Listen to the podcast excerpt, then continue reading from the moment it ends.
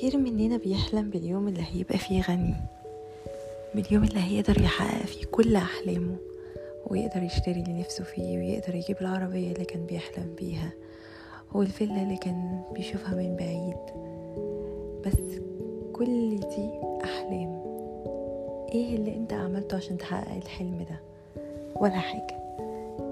أصل أنا بحلم والحلم هيتحقق. مفيش مانع الحلم ممكن يتحقق فعلا بس أنت بتحلم وهل عملت حاجة للحلم ده؟ لأ أنا كل اللي عملته إن أنا حلمت. ما أصل هما ما قالوليش إن أنا لازم أعمل حاجة. مفيش مفيش حلم بيتحقق من نفسه. مفيش فانوس سحري. الكلام ده كله في الروايات. إنما أنت لازم تعمل ولازم تبتدي.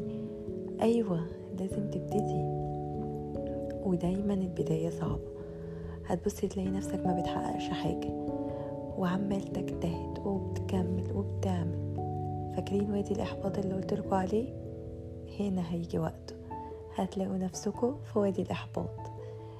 بس فكرتوا إن وادي الإحباط ده بعده هيكون فيه إيه؟ أيوة الكيرف اللي بيطلع لفوق.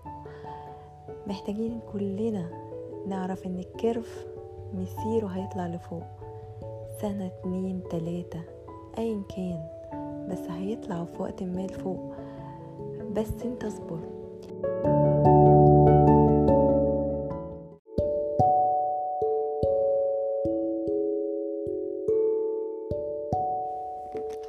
آمن بحلمك.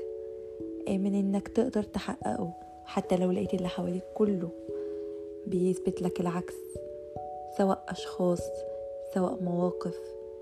سواء حتى محاولات فشلك حصلت لك. آمن إن أنت تقدر فعلا تحقق كل اللي أنت شايفه لأن كل إنسان جواه طاقة طاقة تقدر توصله لأبعد مكان هو ممكن يحبه. بس خدت بالك؟ هو ممكن يحبه. يعني إيه؟ يعني طول ما أنت مش حابب المكان اللي أنت عايز توصل له أنت مش هتوصل. طول ما انت مش مؤمن من جواك ان انت تقدر توصل للمكان ده انت مش هتوصل.